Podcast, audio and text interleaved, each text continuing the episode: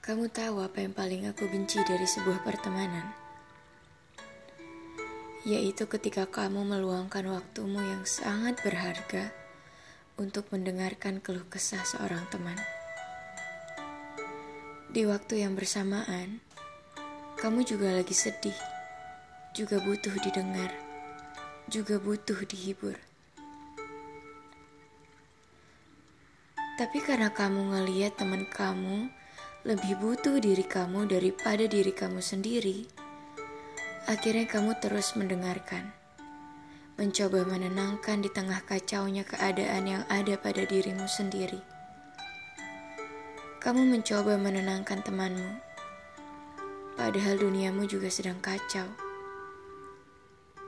Kamu mencoba menyelamatkan orang lain Padahal kamu sendiri sedang diambang kematian. Kasarnya begitu. Kamu luangkan waktumu. Sampai kamu lupa kalau diri kamu juga butuh perhatian itu. Kamu mendahulukan temanmu daripada dirimu sendiri. Dengan alasan nggak enakan.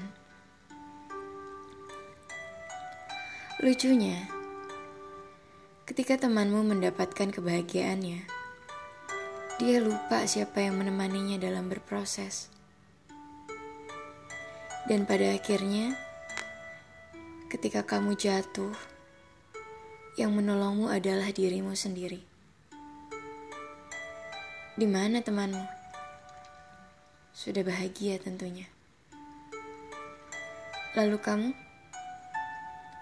Kamu harus berjalan sendirian dengan keadaan luka tanpa adanya seorang teman. Pada akhirnya, yang menemanimu adalah dirimu sendiri. Jadi, sebelum kamu berbuat sebaik itu sama orang lain, coba untuk berbuat baik dulu kepada diri sendiri, karena kamu lebih butuh dirimu ketimbang orang lain.